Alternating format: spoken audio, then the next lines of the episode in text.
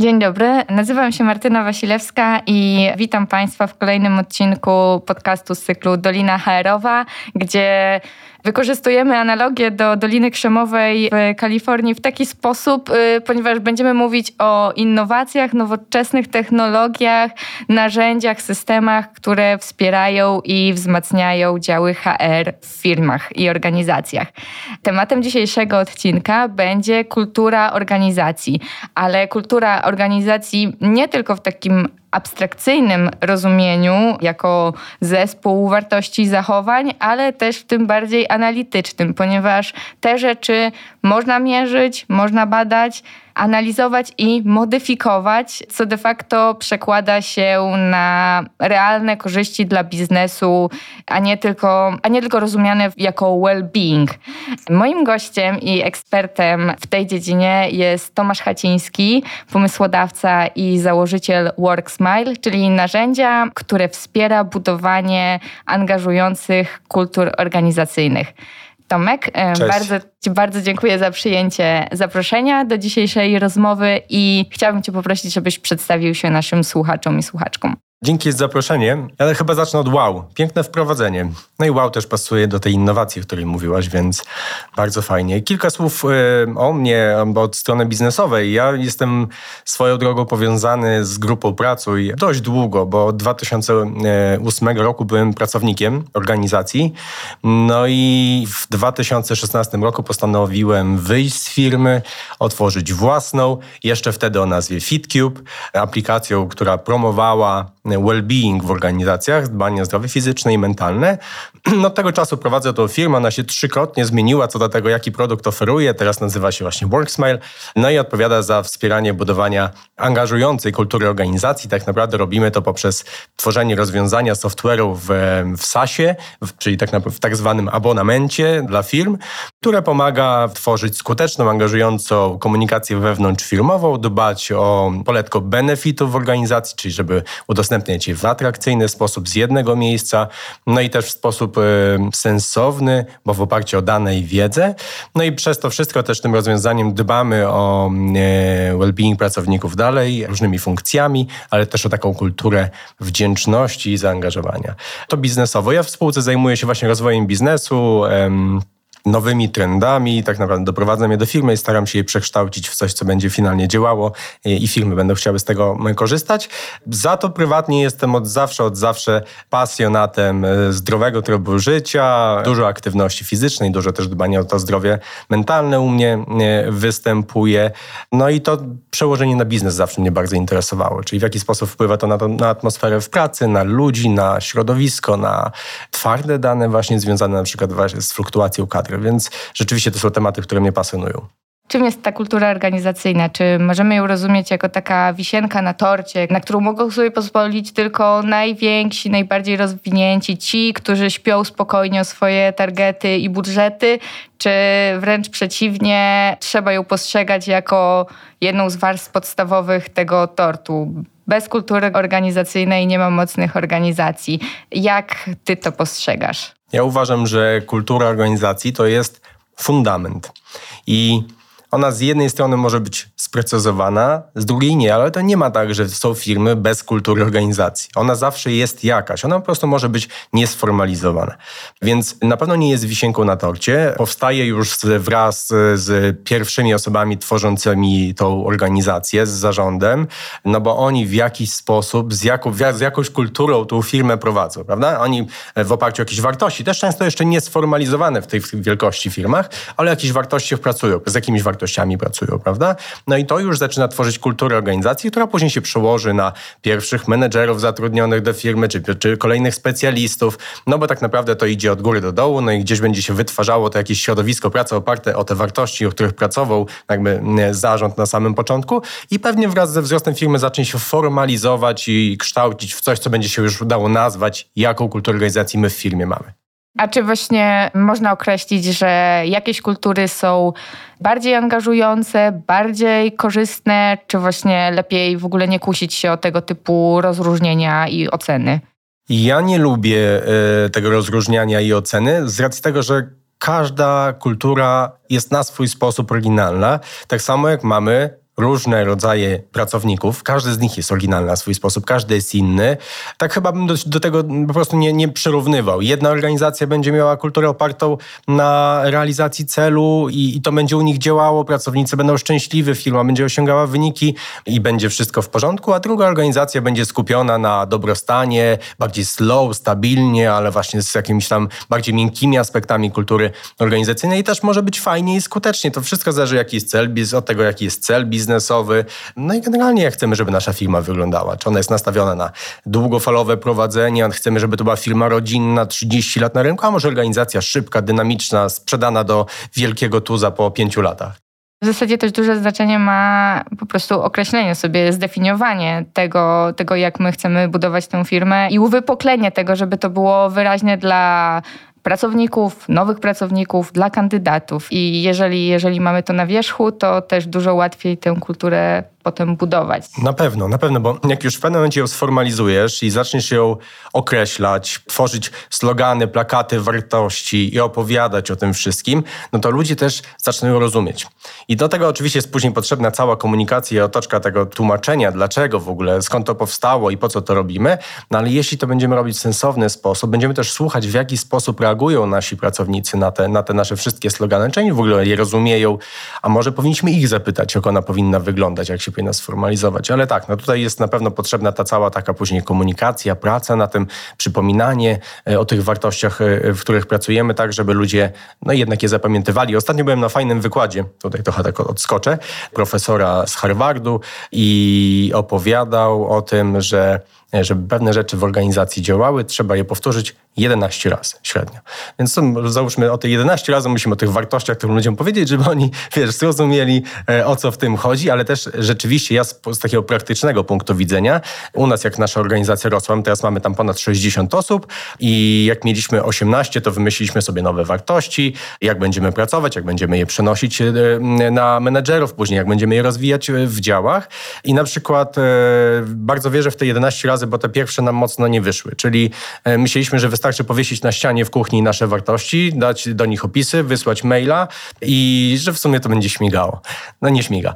Więc trzeba rozmawiać, tłumaczyć. Na przykład, nie wiem, jak mamy kulturę organizacyjną opartą na zaangażowaniu. To co to jest zaangażowanie? No to nie chodzi o to, żeby być uśmiechniętym i dużo mówić o tym, co, co robię, tylko trzeba wytłumaczyć, dać kilka przykładów tego zaangażowania tym pracownikom, żeby oni zrozumieli, co to jest w ogóle na ich poziomie, nie? w jaki sposób oni mogą tą wartość reprezentować tam, gdzie są w tej chwili w organizacji.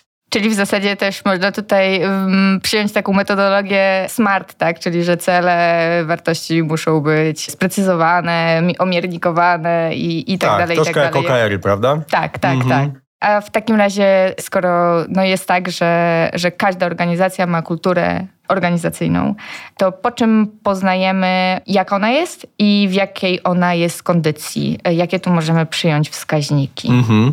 No, możemy zbadać ją na kilka e, sposobów. Z jednej strony możemy badać ankietowo, no bo możemy pytać pracowników o zadowolenie z pracy, o ich poziom zaangażowania, e, robić swego rodzaju NPS-y, które też będą pokazywały, w jaki sposób ci pracownicy czują się e, w naszej firmie, no ale z drugiej strony też możemy popatrzeć na wyniki biznesu.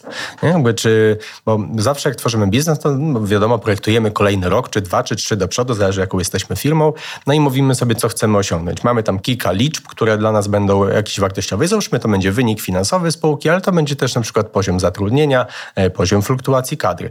Więc jeśli te dane idą zgodnie z naszą projekcją, no to możemy sobie powiedzieć, ok, chyba ta nasza kultura organizacyjna działa. Jeśli coś nam odchodzi od normy, no to musimy się teraz zastanawiać. Ok, sprzedaż e, mieliśmy, chcieliśmy zrobić milion, zrobiliśmy pół, coś tam nie działa. I jest pytanie, czy to jest kwestia kultury organizacyjnej, czy to jest kwestia menedżerów, czy specjalistów, którzy to wykonują. No oczywiście trzeba wejść w głębi, zacząć analizować liczby, ale najczęściej to jest ze sobą powiązane, nie? No bo jednak w oparciu o, to, o te zasady będziemy pracować w, w zespołach. Te, te zasady przyjmuje menedżer, menedżer później te zasady przekłada na specjalistów. To jest pewien rodzaj znów kultury organizacyjnej, opartej o jakieś zasady.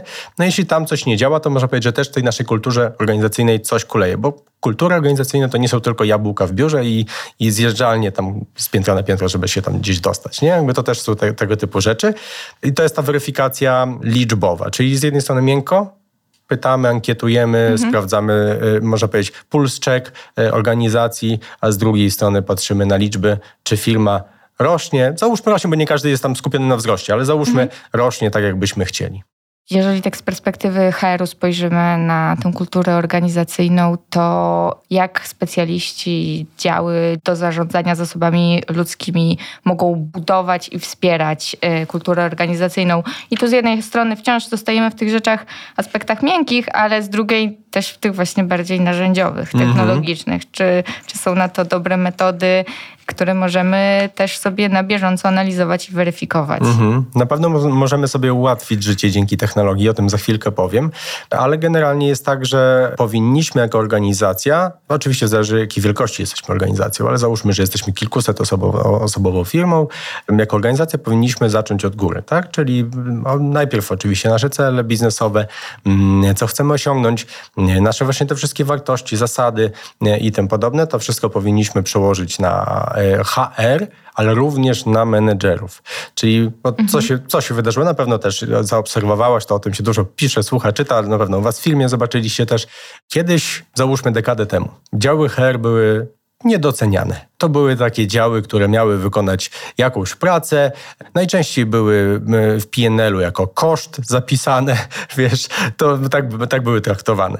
Przyszła pandemia i się okazało, że y, przyszły zarządy do, do, do działów HR, Jezu, ratujcie nas, co my mamy zrobić? Trzeba ludzi dostosować do tego pracy, trybu pracy zdalnej.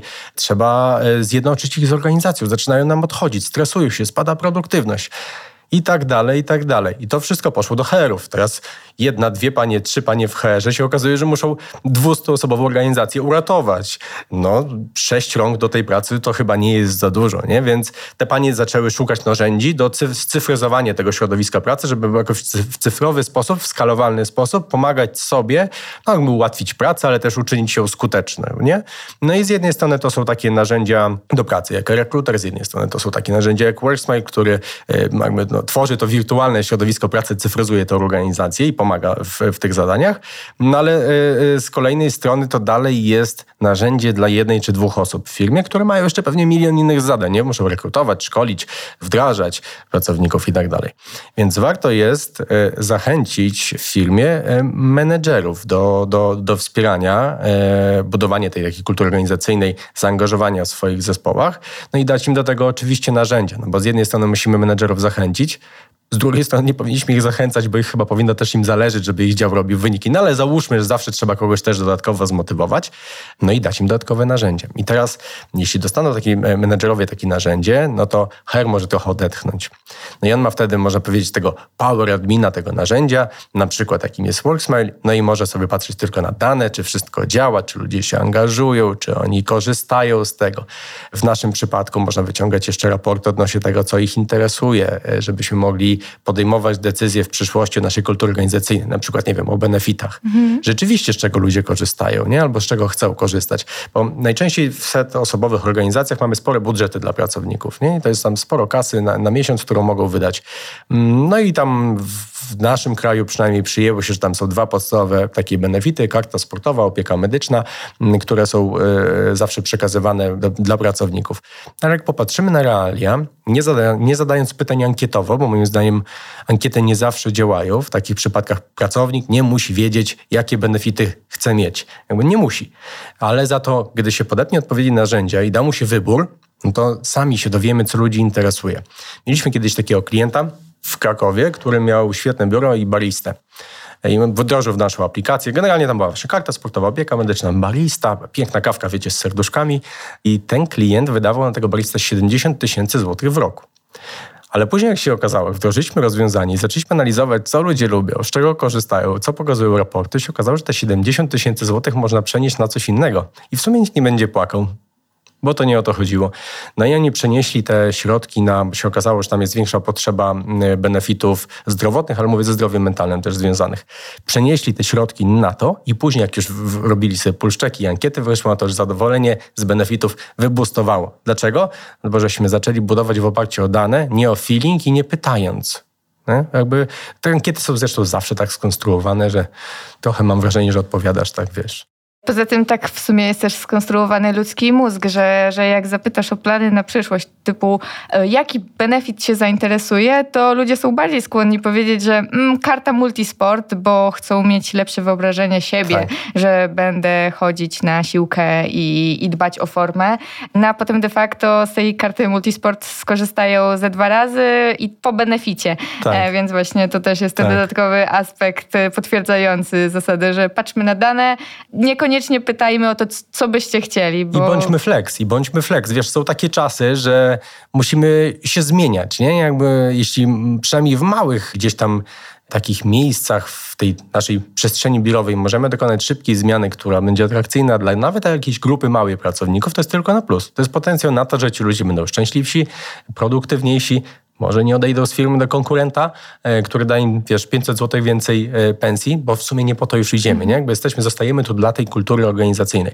I teraz benefity to jedno. No, załóżmy, że benefity są nagrodą. Tak, tak to nazwijmy. No, ale jest inna rzecz, jest nasza codzienność w organizacji jeszcze, nie? Jakby, które, w której chcemy być. I z jednej strony to są właśnie jasna, e, co, co, co, co pomaga, jasna, transparentna komunikacja wewnątrzfirmowa do pracowników. Od C-levelu, co tam się dzieje w organizacji, jakie ma cele, a nawet szczerze, jeśli się potyka, po menedżerów i później e, e, komunikacja od menedżerów do swoich pracowników, żeby to oni też z jednej strony już często komunikowali się z pracownikami, a z drugiej strony, żeby tworzyli sobie pewne rodzaje społeczeństwa, społeczność. Jakby człowiek potrzebuje naturalnie społeczności, więc możemy ich trzymać, tych ludzi blisko siebie i tworzyć różnego rodzaju zajęcia dla nich w formie nawet cyfrowej, które będą ich integrować ze sobą. Nie? I na przykład my w organizacji, w naszej platformie zrobiliśmy sobie kilka grup i dużo testujemy. Nie boimy się tworzyć, kasować, wymyślamy, wiesz, co wyjdzie, co nam często sina na język przyniesie, to wymyślamy i tam piszemy, ale to, to, to jest dosyć ciekawe i to u nas ludzie doceniają, bo my na przykład e, w naszej platformie, e, na naszym koncie zrobiliśmy sobie grupy tematyczne dla, dla pracowników. I z jednej strony mamy te biznesowe, typu właśnie firmowe newsy, kogo zatrudniamy, kto odchodzi z organizacji, a z drugiej strony mamy takie grupy tematyczne, miłośnicy książek, w fotelu z popcornem. To jest filmowa grupa. E, dla biegaczy mamy, dla zdrowia mentalnego. I te grupy, żeśmy przenieśli tam tych naszych moderatorów filmowych, tych, co kiedyś w kuchni nam opowiadali, co jedli, co pili, gdzie biegali, to my żeśmy tą kuchnię przenieśli w środowisko cyfrowe. Czyli stworzyliśmy cyfrową kuchnię w postaci grupy tematycznej, w której ludzie wymieniają się zainteresowaniami, pasjami. I to nie jest tak, że jak ja mam grupę, na przykład ciekawostki ze świata biznesu, ja taką grupę prowadzę. I to nie jest tak, że ja tam mam z tych 60 osób, 60 mnie czyta i 60 daje mi lajka. No ale patrzę, 15-20 osób mi przeczytało post, 5-7 dało mi lajka. Czy to jest sukces? Tak. Więc ogromny sukces, bo ja zaangażowałem 15 osób, kolega od biegania zaangażował 10 osób, kolega od filmów zaangażował 5 osób. I się okazuje, że wszyscy się zaangażowali nam do, do środowiska firmowego. Wiem, że trochę jadę monologiem, ale dokończę jeszcze tą, tą myśl. I pamiętam, jak my pierwszy raz powiedzieliśmy ludziom, chodźcie, wracamy do biura. Wróciliśmy do biura, a ludzie tak komentowali sobie, że słuchajcie, kurczę, ja nie czułem, że mnie w biurze nie było pół roku, bo oni myśleli, że nie są obok siebie, bo my stworzyliśmy kulturę organizacyjną opartą nie tylko o cele, jasno i bardzo jasno e, e, komunikujemy, bo pracujemy na OKR-ach, mamy transparentną komunikację, w ogóle komunikację feedbacku, e, taką feedbackową mocno w firmie, ale z drugiej strony stworzyliśmy miejsce, gdzie oni się czuli, że oni, można powiedzieć, wirtualnie ze sobą biegają, wirtualnie ze sobą oglądają filmy, bo sobie, wiesz, recenzują, nawet książki sobie w online wymieniali, audiobooki, bo się okazało, że tam sobie wiesz, mówili, co czytają, czego słuchają, nie? Czyli taki brakujący puzzle, właśnie, który zniknął w sytuacji pra pracy zdalnej, że, że no nie masz tej kuchni i tych, tych rozmów pozapracowych, które, które jednak tak. dopiero w pandemii zobaczyliśmy, jak są ważnym aspektem pracy. Jednak to e, właśnie to integrowanie się i towarzyskość. To prawda. No i ja wiesz, mimo tego, że jestem założycielem firmy technologicznej, która można powiedzieć to wirtualną przestrzeń biurową robię, robi, Wierzę, że też potrzebna jest jednak też ta analogowa przestrzeń. To nie jest tak, że ja teraz powiem, a wyrzućcie wszystkich na home office i kupcie Worksmile'a. Tylko szczerze mówiąc, to potrzebujemy wrócić do biura. Ludzie tego potrzebują i uważam, że hybryda jest oczywiście super przyszłością, więc to nie jest tak, że tylko one. Ale rzeczywiście jest tak, że e, jak byliśmy tylko w tych czasach analogowych, to w ogóle o tym zapominaliśmy. Tylko niektóre firmy tam raz zorganizowały sobie drużynę piłki nożnej. Często to w ogóle dolnie się wytwarzało, bo ludzie tego potrzebowali, ale też często nie było strategią to, co daje nam środowisko cyfrowe, to możliwość zrobienia czegoś w prosty sposób, strategicznie, powtarzalnie i skalowalnie. Nie? A w biurze było troszkę ciężej, bo żeśmy później załatwiliśmy kiedyś masażystę do biura i tak dalej, no ale to ma cztery ściany, nie? Pokój ma cztery ściany, zmieści w ciągu jednego dnia 8 osób, a firma ma 200. Więc to możemy dać, wiesz, połączyć to, to taką fajną kulturę organizacyjną zrodzoną na pasjach pracowników w online, a dać im benefity w postaci masażu z dojazdem do domu. I masz wtedy wszystko elegancko. elegancko. A jeżeli firma nie ma 200 osób, tylko właśnie mniej, na przykład 50 lub jeszcze mniej, mhm. to właśnie czy w małych organizacjach proces, w ogóle dynamika e, wygląda tak samo, jeżeli chodzi o wspieranie kultur organizacyjnych, czy to jest trochę inna specyfika? To zależy. Niektóre firmy nie mają na tym jeszcze fokusu, bo walczą o rentowność, o to, żeby wyjść pierwszy raz z podwody finansowo. Nie? No to wtedy można powiedzieć, że jeszcze że tworzysz kulturę organizacyjną rozwijasz, ale naprawdę opartą na celu, na wzroście, na liczbach. I to też jest świetne i prowadzone w dobry sposób oczywiście, więc może nie być jeszcze tam miejsca na te aspekty miękkie. Ale z drugiej strony, tak jak ja obserwuję o naszej firmie, no my jesteśmy organizacją rzeczywiście skupioną na celu, dosyć szybko rośniemy rok do roku i my jak w ciągu czterech miesięcy zatrudniliśmy 40 osób do firmy, to my poczuliśmy, że nam brakuje. Mimo tego, że mamy własne rozwiązanie, ale poczuliśmy, że brakuje nam jeszcze strategii na to, co robimy. I oprócz tych celów, że my tam mówimy, ile pieniędzy, dlaczego to robimy, w ogóle po co jest ten cel, nie? Jakby po co ty tu jesteś? No to zabrakło nam jeszcze, pamiętaj, że możesz odpocząć. E, zabrakło nam tych miękkich aspektów, dbamy o ciebie. Masz tutaj e, dostęp do psychologa, masz tutaj, e, jak masz ochotę, to nie wiem, teraz sytuacja z Ukrainą, która nam zestresowała troszkę też wewnętrznie pracowników, wprowadziliśmy mm, dni wolne dodatkowe na wolontariat. Ale to tylko dlatego, że my zaczęliśmy patrzeć, wiesz, na, na, na, to, co się dzieje i mimo tego, że mamy 60 osób, no to już potrzebujemy tych miękkich też aspektów, nie? żeby ci ludzie się czuli w tej firmie dobrze. No i to, co jest chyba Myślę, że łatwiejsze w organizacjach naszej wielkości, że my nie potrzebujemy zaangażować każdego menedżera. Mamy też jednoosobowe działy w firmie i jeszcze du dużo widzimy, nie? No bo tam nie ma tych 17 pięter w biurowcu, żeby tam zejść i tam wszędzie oglądać. Mamy 60 osób, mieścimy się na jednym pięterku na tam 400 metrach i jest super. Jest troszkę łatwiej nam pewnie niż w tych dużych organizacjach, gdzie z jednej strony mindsetowo trzeba ludzi troszkę jeszcze zmienić, bo każdy boi się zmiany, więc trzeba zaangażować do tej zmiany osoby, które zdecydują się, że będziemy o coś dbać, dawać na coś budżety i tak dalej. Więc przypuszczam, że jest trochę łatwiej. Inne problemy, ale trochę łatwiej. Okej, okay, ale też e, to, co wyczytam e, z Twoich słów, że małe firmy nie muszą się tak na początku żyłować, że my musimy mieć tę świetną kulturę organizacyjną, już od razu ją zacząć budować od pierwszych osób zatrudnianych, tylko robić te rzeczy stopniowo i tak jakby też akceptować to, że czasami musimy opierać naszą kulturę organizacyjną na celu właśnie finansowym. Jak najbardziej. Wiesz, to też takich ludzi w pewnym momencie zatrudniasz. Nawet jak jesteś małą niestabilną organizacją, to nawet fajnie jest powiedzieć podczas rozmowy rekrutacyjnej, jesteśmy małą, niestabilną organizacją, ale mamy duży rynek, perspektywę, nie wiem, wsparcie inwestycyjne, z nami polecisz daleko. My dzisiaj mamy 20, ale za rok będziemy mieli 120 osób. A jak utrzymasz się w tych strukturach, będziesz z nami walczył, opierał się na te cele, to będziesz wysoko w tych strukturach za, za kolejny rok. I to nie jest lelum polelum, puste słowa. To jeśli rzeczywiście jasno to określimy w organizacji, to te osoby właśnie po to do nas przyjdą i tak będą chciały pracować. I one nie potrzebują baristy i one nie potrzebują psychologa. Może za rok, jak tak szybko urośniemy. Ale e, rzeczywiście, wiesz, nie po to to są. One są właśnie, żeby walczyć o ten cel. Z tym mieczem, z tą tarczą, wiesz, iść z zarządem i, i rozwijać firmę. I to jest też super kultura organizacyjna. W takim razie przechodzę do ostatniego pytania. Ile jest warta kultura organizacyjna? I tu już pytam właśnie o takie twarde rzeczy, bo tak, jest pracownik HR-u, który naczytał się, zapoznał się z tematem, Pracował w innych firmach, organizacjach i wie rzeczywiście, zna wartość kultury organizacyjnej, widzi, jak to fajnie wpływa na zaangażowanie ludzi na rozwój biznesu. No ale musi przekonać zarząd, który jest sceptyczny, musi przekonać y, do tego, że potrzebujemy narzędzi, potrzebujemy budżetu na te narzędzia, potrzebujemy wspierać menedżerów.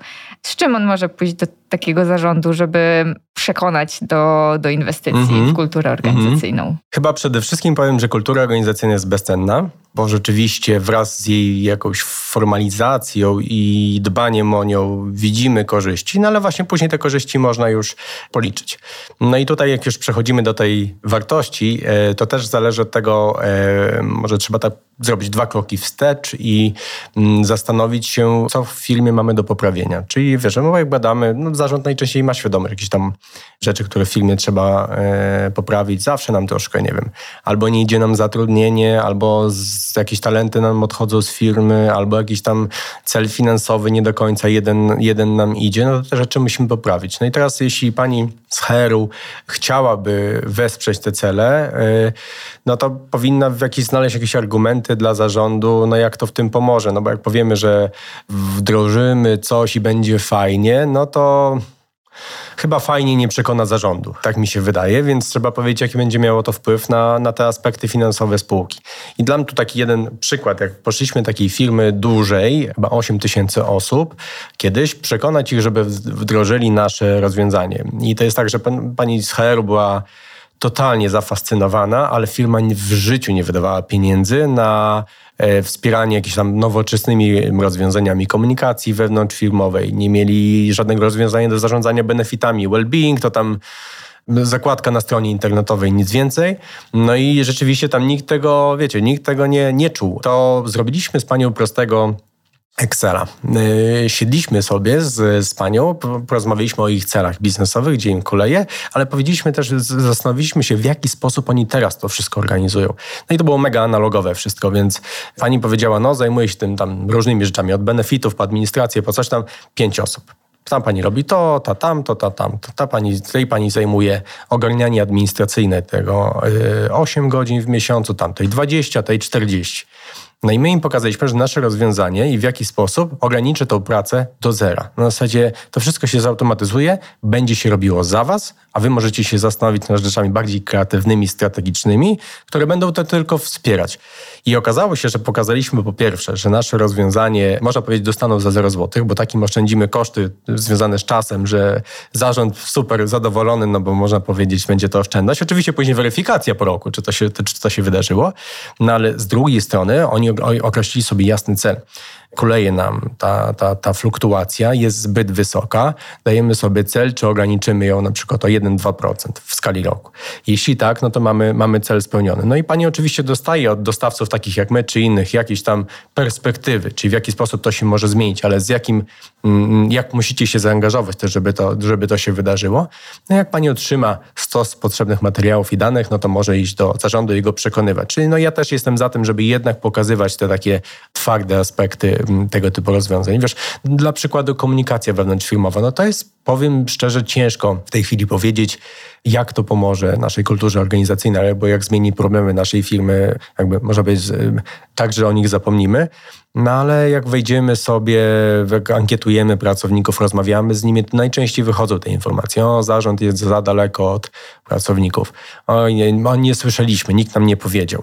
No to znaczy, że coś tam kuleje, nie? Jakby, czy, yy, i, to może mieć wpływ oczywiście też negatywny na wyniki naszej firmy. Więc no tutaj jak przyjdziemy z fajnym rozwiązaniem, które pokazuje na przykład tam, że usprawni komunikację, twoje posty będą wreszcie docierać, e, będą angażujące, dotarcie zwiększysz o 50%. No to później można to też zweryfikować, no bo wiemy, wysyłaliśmy to w jakiś analogowy sposób, czy mamy intranet jakiś, czy tam i wiemy, czy ludzie, e, wiesz, widzieli te posty. Mamy też często liczby, jeśli to jest jakiś Outlook czy, czy coś innego, jesteśmy w stanie wyciągnąć odczytywalność tego wszystkiego.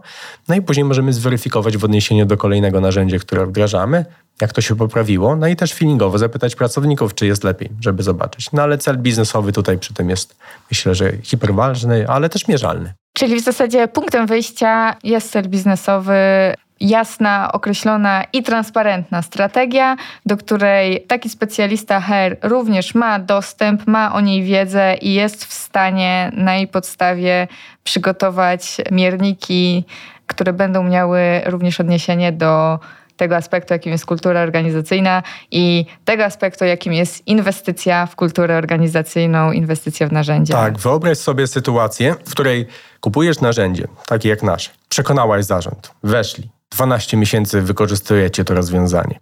I po 12 miesiącach masz taki zbiór danych, że przychodzisz do, z taką kartką papieru, tylko online'ową, to do zarządu i pokazujesz, zobacz, wydaliśmy e, tyle pieniędzy na benefity ale się okazuje, że ludzie chcą to. I masz jasne dane, które pokazują, że macie e, ludzi zainteresowanych e, jakimiś tam tematami biznesowymi. Macie ludzi, którzy chcą dane benefity. Macie na kartce papieru nie? informacje o tym, co ludzi, jakie tematy miękkie ludzi integrują w organizacji, dlaczego tutaj zostają.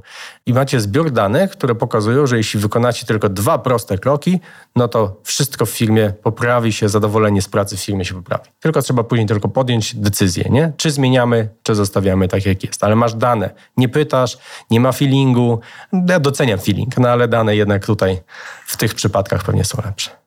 I myślę, że to jest dobre zakończenie, zwieńczenie naszej rozmowy. Proszę Państwa, tak jak, jak mieliśmy okazję usłyszeć, kultura organizacyjna jest osadzona w twardych danych i jeżeli organizacje są w stanie ją osadzić w twardych danych, to, to później też widzą pozytywne skutki tego. E, nawet jeżeli one na początku właśnie metodą prób ich błędów i nie od razu uda się osiągnąć celów, wskaźników, które sobie założyliśmy, to przynajmniej wiemy, gdzie jest wąskie gardło. Test and learn. Dokładnie. Tomek, bardzo dziękuję Ci za rozmowę. Dziękuję bardzo. Państwu bardzo dziękuję za wysłuchanie i słyszymy się w kolejnym odcinku Doliny HR-owej. Dziękuję. Dziękuję, do usłyszenia.